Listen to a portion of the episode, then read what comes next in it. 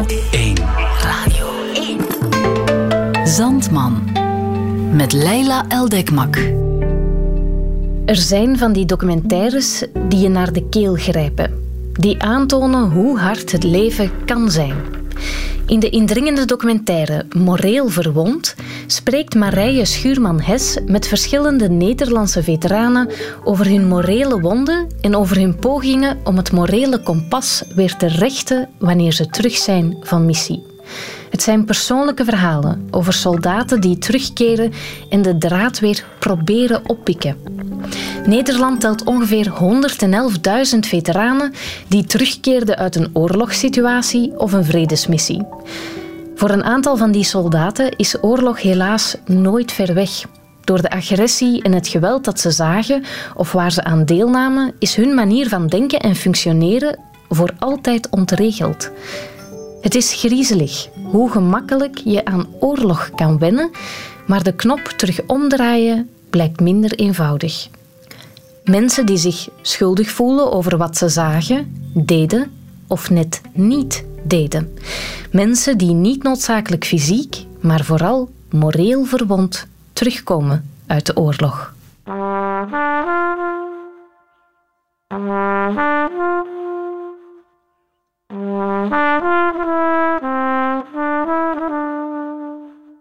Als ik ergens reed, dan uh, trok iemand, uh, die was aan een checkpoint begonnen, die trok dan zo'n grote plank met anti-personal mijnen erop gespijkerd en anti-tankmijnen erop gespijkerd.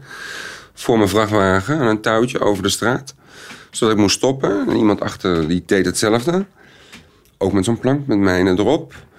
En het eerste wat er dan gebeurde was dat je Glasnikov op je kop kreeg. En dan begon het oude hoer, zeg maar, uh, bij die checkpoints in Oost-Bosnië die huizen die je dan tegenkomt met die Chetnik-tekens erop, 4 C's en Oestasja-tekens. En het moet dan bloed zijn geweest.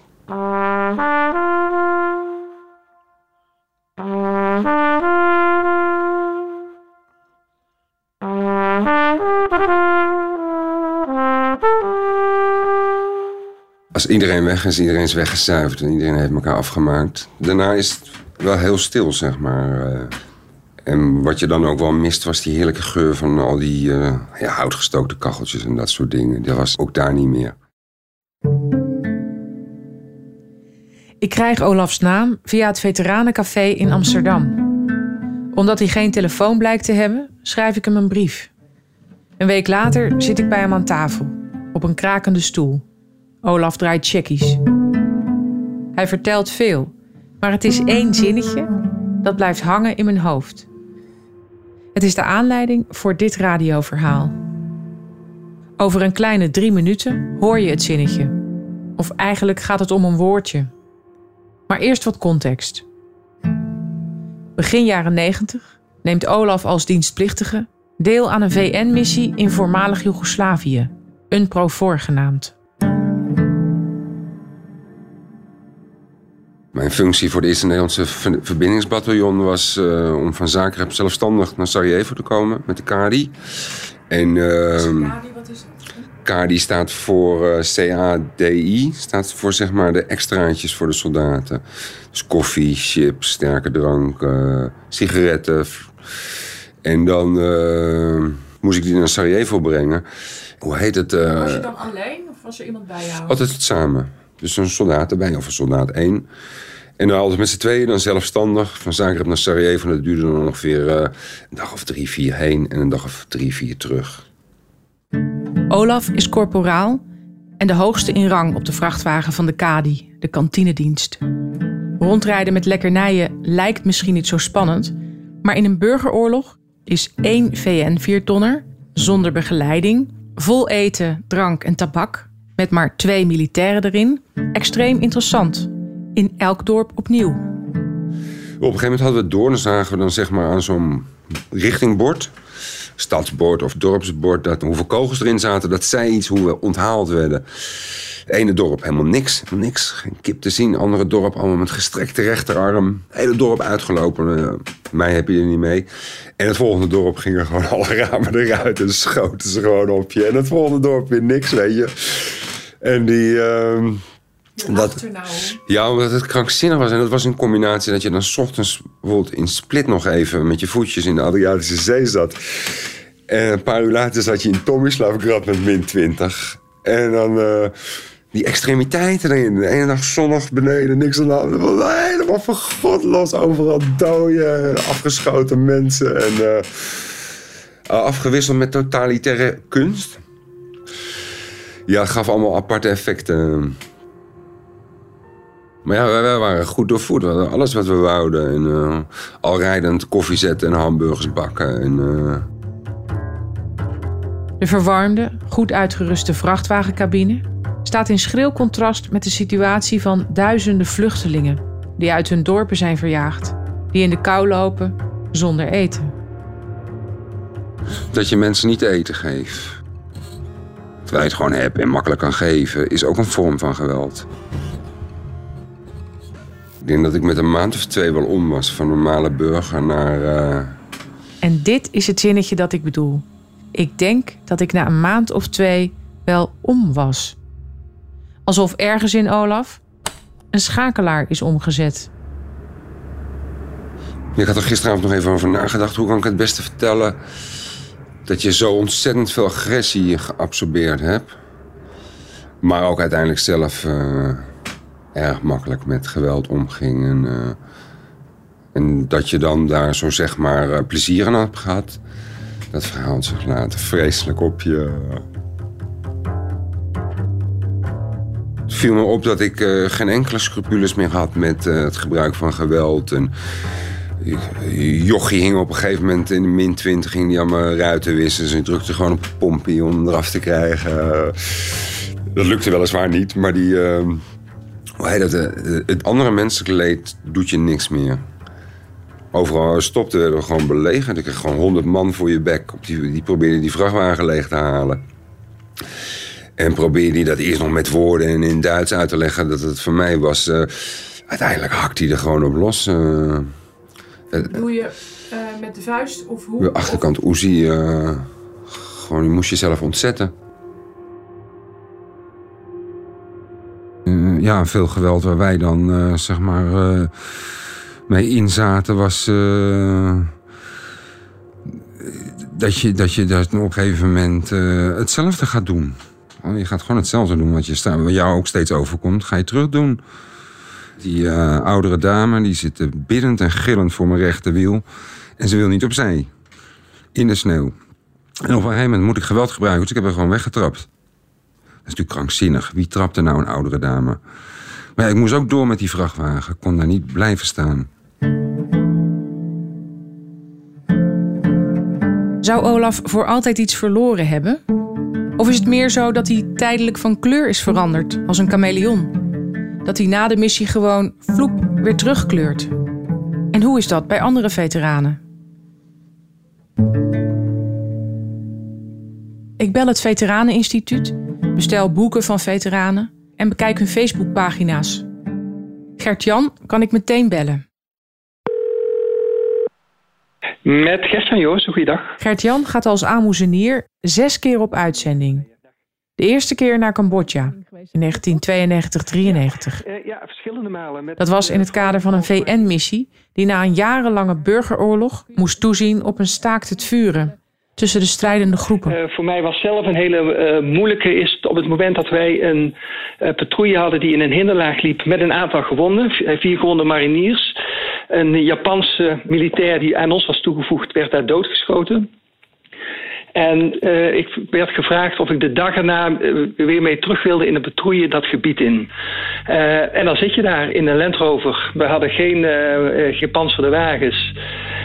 En de bevolking die duidelijk te kennen gaf dat ze ons niet wilden. Gebaren maakte van vinger langs de keel. En denk je, ja, ga ik de volgende wezen. Na zeven maanden vliegt Gert-Jan terug. Maar hij ziet er tegenop om bij zijn gezin te zijn, omdat hij iets in zichzelf niet meer herkent. Het was precies in die tijd eh, had Veronica een, eh, een serie die heette Veronica Goes Asia. Iedere week een programma, een uur over een land in Azië. Bij het zien van die... Ik, ik kon het ehm, echt soms maar vijf minuten aankijken.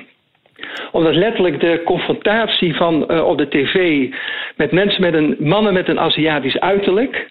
Ja, ik werd er gewoon bijna echt misselijk van, bijna ziek van. Het, zoveel uh, fysieke weerstand kreeg ik tegen, uh, tegen deze mensen. En ik, dat vond ik heel moeilijk. Want ik denk, jemig, ik, daar sta ik dan met, met mijn prachtige ideeën, lang theologie gestudeerd. Ik heb prachtige opvattingen over, uh, over naaste liefde. En het, uh, ja, en ik, ik, het is heel moeilijk te beschrijven. Het, het, het is het kwijtraken van, van dingen die heel wezenlijk voor jezelf zijn.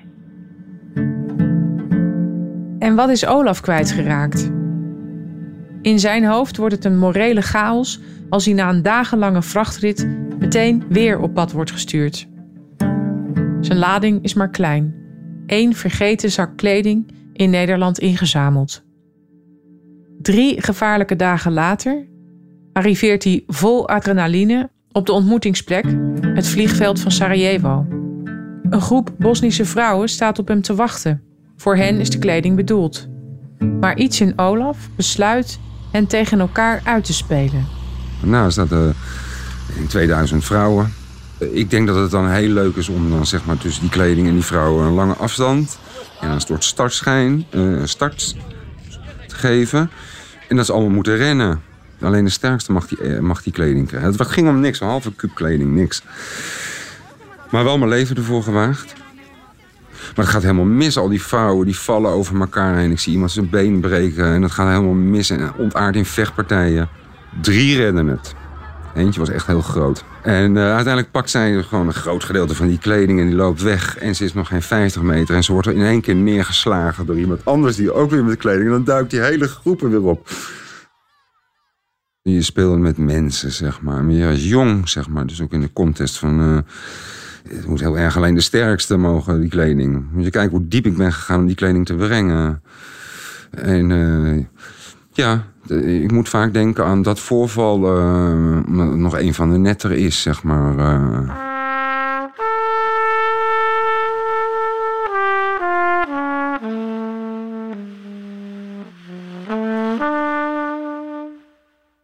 Voordat ik in het leeg ging, ik al, uh, was ik al heel erg goed in mijn gevoel wegstoppen. Want ik had geleerd in mijn jeugd dat ik daar eigenlijk niks mee kon.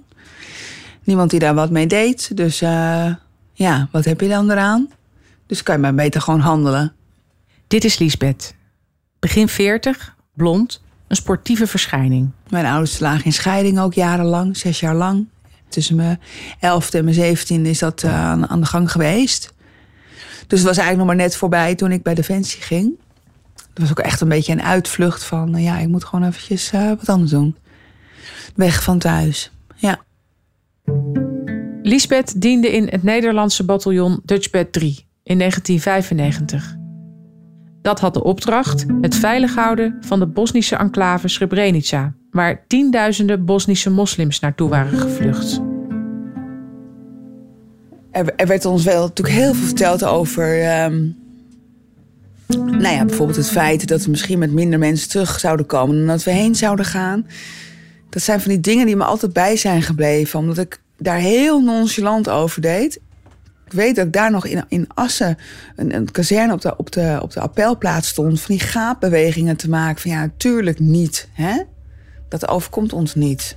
Had je ook het gevoel van ik ga daar iets, iets goeds doen? Ja, dat, dat, dat had ik wel. Dat hadden we allemaal wel. Ja, wij gaan het verschil wel maken. Wij gaan de boel redden.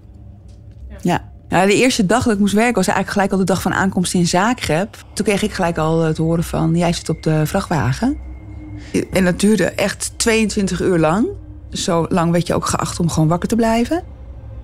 Op het moment dat je gaat hallucineren, dan was het altijd wisselen. Omdat je zo moe bent. Dan zei ik, we doen al die uh, duizenden paren schoenen op die vangrail. En dan hoor ik naast me, tijd om te wisselen.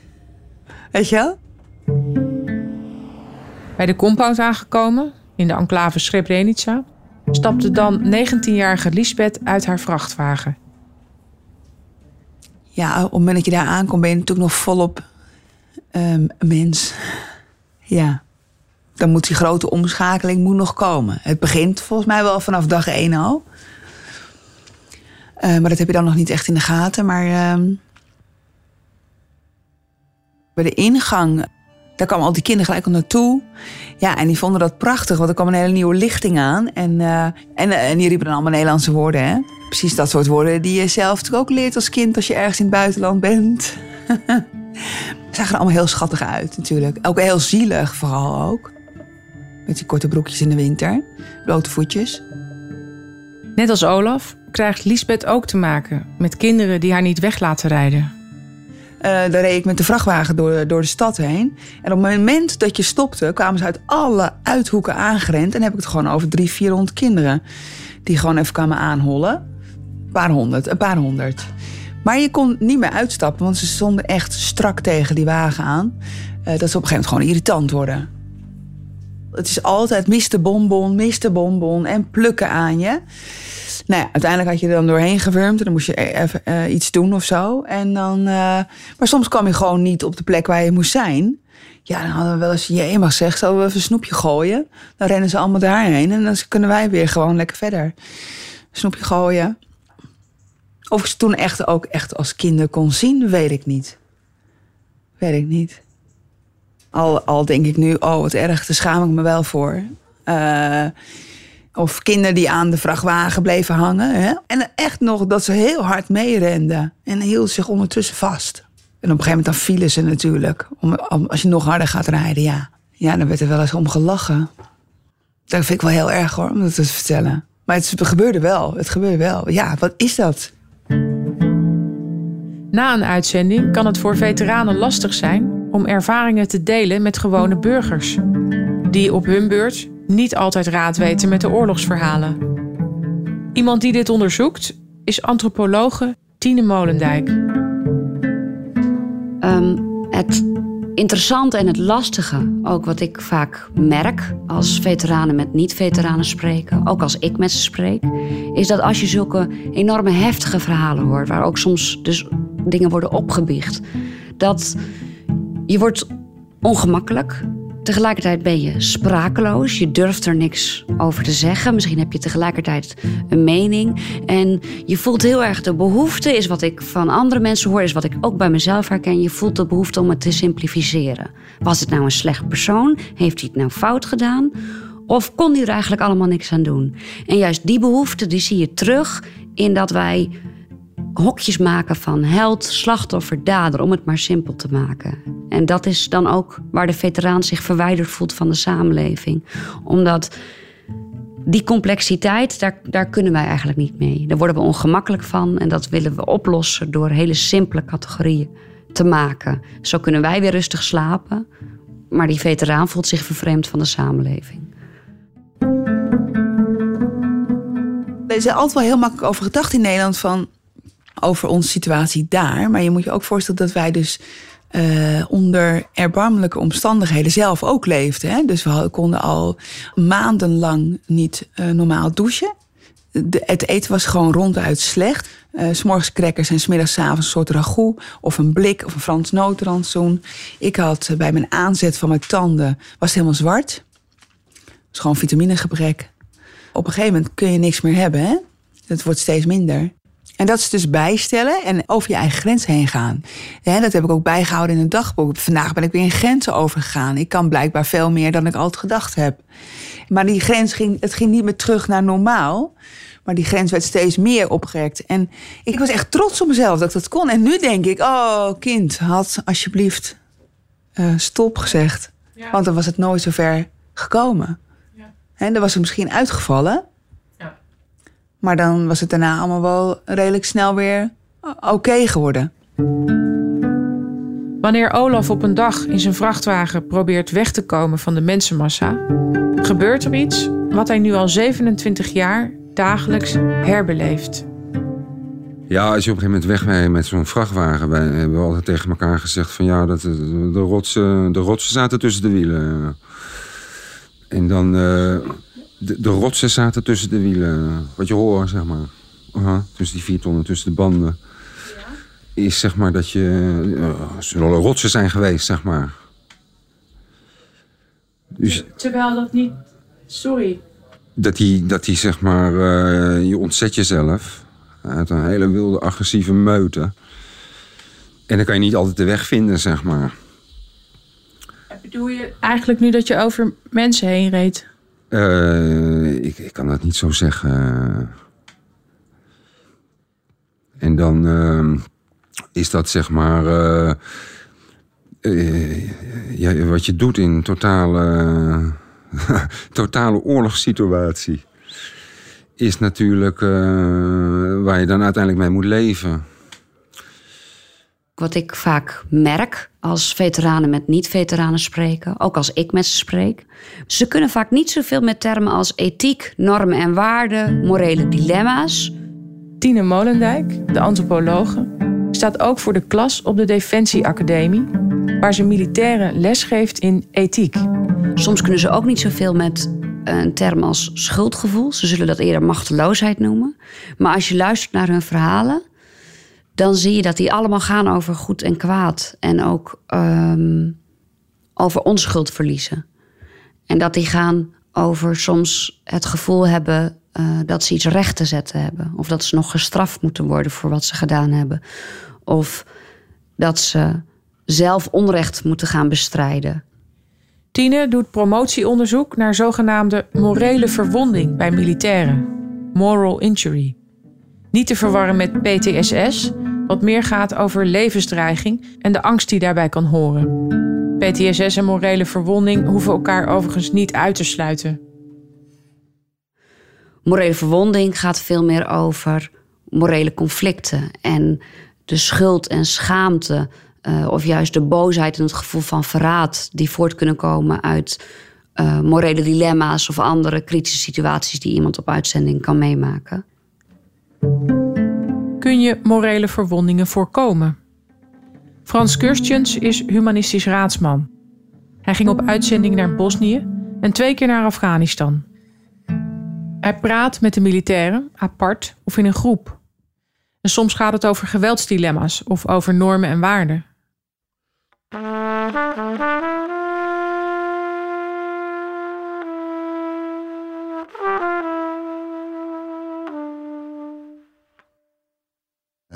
Een jongen uh, vertelde tegen mij dat hij een vuurgevecht had gehad, een paar weken geleden. En dat hij de Taliban op, het, op, de korrel had, zullen we zeggen. Maar dat hij een huis in, in vluchtte. En dat huis uitkwam met een vrouw als schild voor zich. En dat hij dus niet, niet schoot. Omdat dan, hij zou wel dwars door die vrouw heen kunnen, schieten om die man, die Taliban te raken. Maar hij maakte die beslissing om dat niet te doen. En hij zegt, maar dat was drie weken geleden veertien dagen geleden. Maar er waren intussen zoveel uh, gebeurd. Ik heb die Taliban de, uh, laten leven. En vervolgens uh, kom ik erachter, bedenk ik mij, dat hij mij dus, dat ik hem de tweede kans geef om mij voor mijn kop te schieten. Dus de volgende keer schiet ik dwars door die vrouw heen. Dat noemen ze dan uh, collateral of zoiets dergelijks. ik, maar dat, dat schiet dwars door die vrouw heen. En dan zit ik dus met een dilemma. Ik begrijp wat hij zegt. Ik, ik, ik begrijp ook zijn overwegingen. Ja, het enige wat ik dan kan zeggen is van... als jij dan, uh, als jij dan naar huis toe gaat en je moeder vraagt... hoe was het? Kun je haar dan in de ogen aankijken...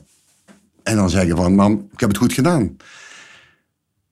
Kun jij dan jezelf in de spiegel aankijken... en, en trots zijn op jezelf over wat je daar gedaan hebt.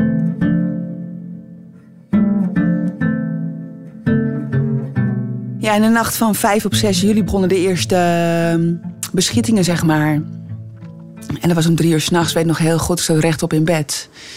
Binnen 10 seconden, denk ik, kwam al uh, onze plaatsvangend pelotonscommandant. Die, kwam die hoorde ik rennen door de hal heen. Bunkeralarm, ja, binnen no time zaten we allemaal in de bunker.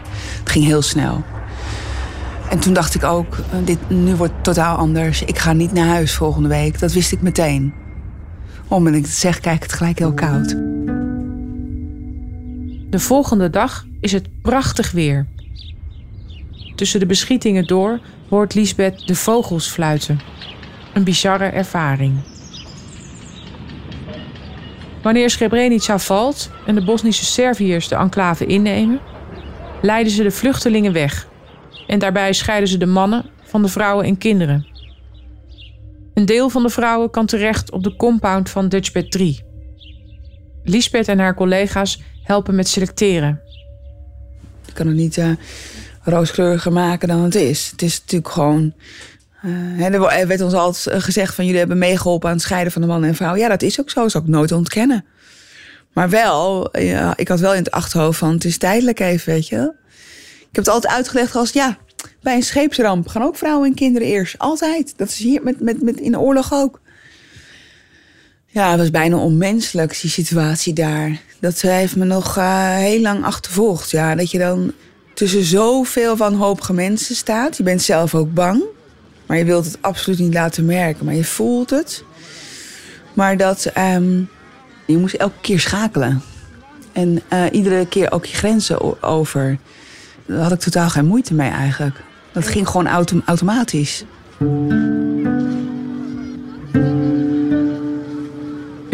En dagen gaan voorbij in een verstikkende hitte. En Lisbeth probeert met een handvol collega's voor de duizenden moslimvrouwen en kinderen te zorgen. Ja, je kan je eigenlijk niet voorstellen hoe dat was. Uh, er zaten 4000 mensen in een hal. Er was amper ruimte om er tussendoor te lopen. Pas als iedereen ging staan was er genoeg ruimte. Maar er brak van alles uit qua ziekte. Er waren gewonde mensen binnen. Uh, er moest eten uitgedeeld worden. En dat ging gewoon zo dat die mensen allemaal, die dames allemaal uh, achter een touw moesten. Wij hielden touw vast. Dat was echt bij de beesten af, zeg maar. Eigenlijk wel.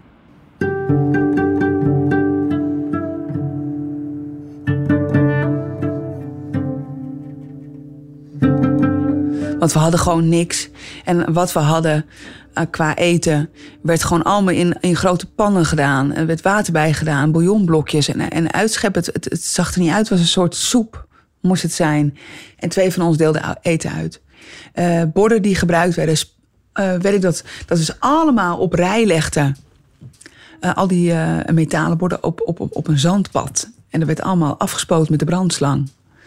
En dan werd het weer gestapeld. Dus je kan je voorstellen, allemaal zand zat er tussen die borden. En dan werd weer voor de nieuwe shift, huppakee, alles uh, uitgedeeld. En constant gingen die vrouwen met ons uh, in discussie over het eten. Tegen ons schreeuwen, schreeuwen dat ze meer stukken wilden, meer stukken brood. Uh, spugen naar ons. ja, er was boosheid, verdriet. Er was wanhoop. Ehm, ja, die barre omstandigheden waarin zij zaten en waarin wij later ook terechtkwamen. Uh, dat zorgt gewoon voor dat je in, wel in een soort overlevingsmechanisme komt. En dat je dus ook heel rationeel gaat denken. Zo, ja, er is gewoon geen ruimte meer voor je gevoel. Nee, dat totaal afgestomd zijn. Ja, mensen niet meer als mens behandelen. Ja. Ook niet, ook niet als dier, maar gewoon niet, in ieder geval niet als mens. Gewoon heel ver weghouden, een soort wezen. Ja. Als je moreel door elkaar bent geschud, hoe verander je dan weer terug? Is dat überhaupt mogelijk? Terug naar Olaf. Ja, ik heb het, tien jaar lang heb ik het helemaal uh, los kunnen laten op mijn gemak geworden. En gewoon niet meer aan gedacht. En uh, uiteindelijk is het wel uh, is het, is het teruggekomen. Wat, en, heb je, wat heb je die tien jaar ben je gaan doen? Nou, het normale leven heb ik toch echt afscheid van genomen. En zeg maar, uh, was op mijn zeilboot gaan wonen. En een vriendje genomen. En gewoon gaan feesten. Maar door de jaren heen durf helemaal niks meer. En elke vakantie is een drama geworden, zeg maar. Een heel erg narrow, gesloten ja, naar binnen gekeerd leven. Geen telefoon, geen deurbel, geen internet, geen mensen om mij heen. Op een gegeven moment gewoon gezegd, ik kap helemaal met werk en dan maar honger. Ik zie het schip strand. Ik heb zeven jaar helemaal geen inkomen gehad en redelijk van de straat geleefd. Toch wel zeg maar van een euro per dag geleefd, zeg maar. Uh, jaar in, jaar uit. Geen toegang tot gezondheidszorg. Ik dacht altijd, jeetje, waarom moet dat zo? ik zal het wel verdiend hebben. Ik heb jarenlang met dichtgeverfde ramen in mijn boot gezeten. Heerlijk. Iedereen op weg. Niks meer. En recentelijk pas die ramen weer eens opengekrapt, zeg maar. Uh. Olaf kan weer naar buiten kijken. Maar het denken houdt niet op. Uh, de gedachten zijn zo indringend en zo geïmpregneerd in je gedachtegoed... dat je, je gaat ermee leren leven met die gedachten samen. Je kan ze niet meer wegbannen. de morele complexiteit van oorlog is iets waar we helemaal niks meer mee doen. antropologe Tine Molendijk. En in het christendom van het eerste millennium, daarbij was het juist heel gangbaar dat uh, krijgers die terugkwamen vanuit de oorlog door allerlei rituelen van boetedoening, zeg maar, hoorden. En het was niet omdat gedacht werd dat ze iets zondigs hadden gedaan, maar wel omdat oorlog een gerechtvaardigd kwaad is. Dus misschien wel gerechtvaardigd, maar toch ook een kwaad. En dat betekent een begrip voordat zo'n krijger met schuldgevoelens kan worstelen. Ook al heeft hij misschien objectief gezien niks fout gedaan. En daarmee een begrip voor dat een krijger die terugkeert van oorlog dat moet verwerken. En dus uh, rituelen van, van reiniging van de ziel eigenlijk moet doormaken. Nou, dat was lange tijd gewoon onderdeel van de samenleving. Dat waren gewoon bestaande, geïnstitutionaliseerde rituelen. Al dat soort dingen hebben wij nu niet. We hebben die ene veteranendagen, waar eigenlijk vooral alleen veteranen zelf komen, niet burgers. We hebben die individuele ontmoeting tussen de therapeut en de veteraan. En voor de rest doen we er helemaal niks mee en worden dit soort dingen in het strafrecht opgelost. En niet in onze samenleving als geheel. Als je terugkomt in Nederland, wordt er gelijk weer van je verwacht dat je lekker normaal meedoet met de rest van de maatschappij. wat, is, wat is normaal? Hè? Mijn gevoel voor normaal was heel anders geworden. Ik las, anders? Nou, ik las bijvoorbeeld in de krant dat er een meisje van vier jaar was overleden door een verkeersongeluk. En toen dacht ik echt belachelijk dat dit in de krant komt. Eén meisje is overleden. Het is toch raar dat dit in de krant komt. Oorlog haalt het, het, het, het uh, slechts in de mens naar boven. Maar ik denk ook wel eens dat het gewoon onze ware aard blootlegt. Hoe we eigenlijk, hoe we werkelijk zijn. Want ik denk, je schakelt heel makkelijk naar een oorlog toe. Heel makkelijk ga je over, uh, stap je over normen en waarden heen en wordt het dus gewoon totaal anders. Na de oorlog blijft het voor Lisbeth anders. Met Dutchbed had ze de opdracht gekregen om de lokale bevolking te beschermen. Maar toen de Serviërs de enclave binnenvielen, was niemand hen te hulp gekomen. En achteraf kregen zij, de militairen, de schuld dat ze de genocide niet hadden voorkomen. Het vertrouwen in de overheid is Lisbeth sindsdien totaal kwijt. En misschien komt het daardoor dat ze zelf plannen maakt voor als er iets fout gaat. Samen met haar man, die ze tien jaar na de oorlog op Veteranendag leerde kennen. Als wij bij grote concerten zijn, dan, kijken we altijd, dan spreken we altijd af van... joh, um, we overzien even de situatie, hoe het allemaal uh, hoe het loopt en waar de nooduitgangen zijn. Zeg nou stel je nou voor, uh, er komt nu in één keer een schutter aan. Als het concert begint, uh, nou, wij staan vlak bij het podium, we kunnen eronder. Ja, ja, zegt hij, of daar, links, rechts. Nou, prima. Maar ik zie het niet als iets wat, wat echt, als, een, als een last ook. Want ik, ik, ga gewoon, ik blijf gewoon naar concerten gaan, ook al komen er aanslagen. Het is meer een soort voorbereiding. Dat je ook al een soort van verwerking start of zo. Dat je leert om ermee om te gaan. Ik weet niet wat het is. Het gaat gewoon bij ons automatisch. En mijn man kijkt helemaal niet raar op als ik daarover begin. Dit soort voorbereidingsplannen maken ze soms. Alsof iets van de oorlog in Lisbeth en haar man is blijven plakken. En dus weten ze precies wat hen te doen staat als iemand het zou wagen hun kinderen iets aan te doen. Om, om een, een tipje van de sluier op te lichten, als dus iemand gepakt zou worden voordat wij hem hebben, diegene, dan, uh, en het zou in de gevangenis belanden, zou ik bijvoorbeeld zorgen dat ik zal infiltreren in zo'n gevangenis. En dan zou, want je wordt natuurlijk ook als slachtoffer nooit meer op de hoogte gehouden van allerlei zaken omtrent zo'n uh, veroordeelde. Dus dan zou ik zorgen dat ik dat zelf allemaal voor ben, dat ik dat alles al op voorhand weet van wat, zo, wat, wat diegene de hele dag uitspookt, zou ik dus gewoon wel mensen betalen binnen zo'n inrichting. Zou ik een heel mooi uh, uitgestippeld plan hebben, denk ik. Om zo iemand te volgen tot op de dag dat hij vrijkomt. Ja. En dan? Ja. Ga ik voor de rest niet uh, over in details uh, treden. Maar ja, ik denk dat ons leven helemaal ingericht is daarop. Ja, als zoiets zou gebeuren, ja. Want ik kan gewoon niet tegen onrecht. Nou kunnen de meeste mensen ook niet tegen onrecht. Maar alleen bij ons is dat een uh, graadje of tien erger. Humanistisch raadsman Frans Kirstjens hielp altijd anderen met hun morele dilemma's. Maar na zijn laatste missie raakt hij zelf het spoor bijster.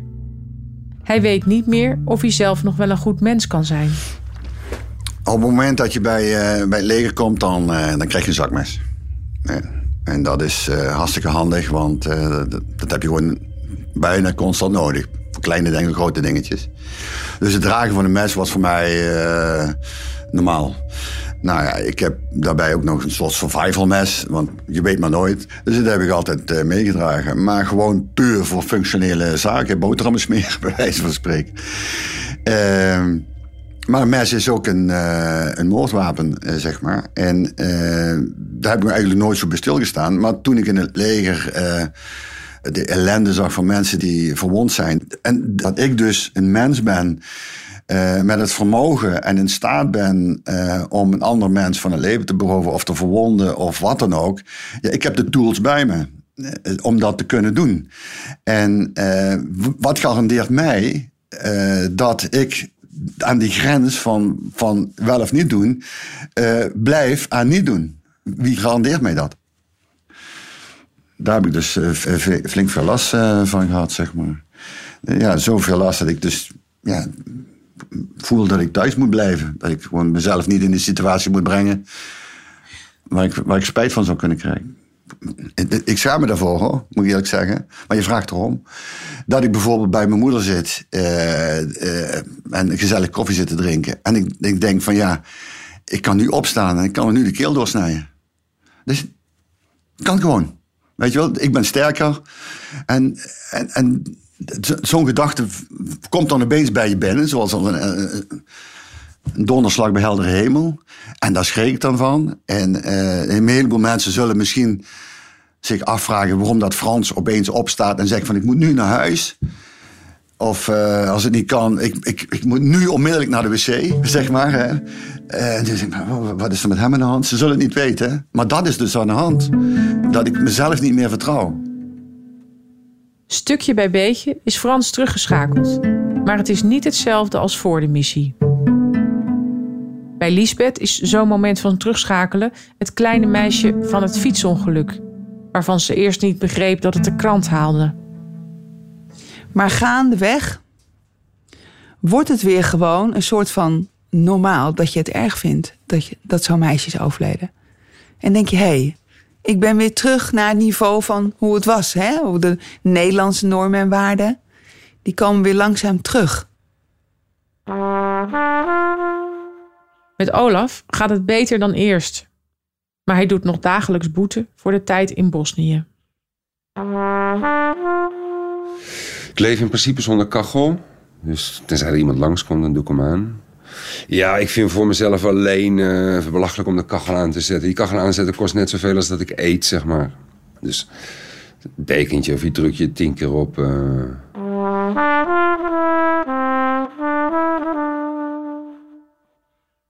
Maar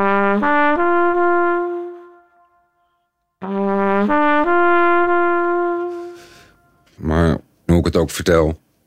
Het jongetje wat aan die, uh, aan die weeruitwissers hing. Die had het koud in zijn plastic broekje. Uh. Het leed van Bosnië. Daarom doe ik de kachel niet aan.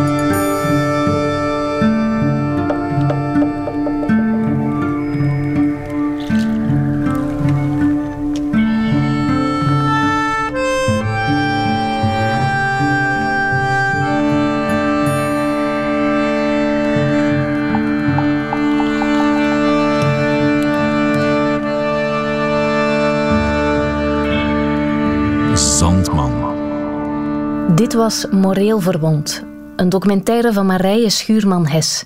Je vindt alle info op radio1.be en ga zeker ook eens kijken naar haar andere prachtige werken. Die vind je terug via Radiomakers De Smet.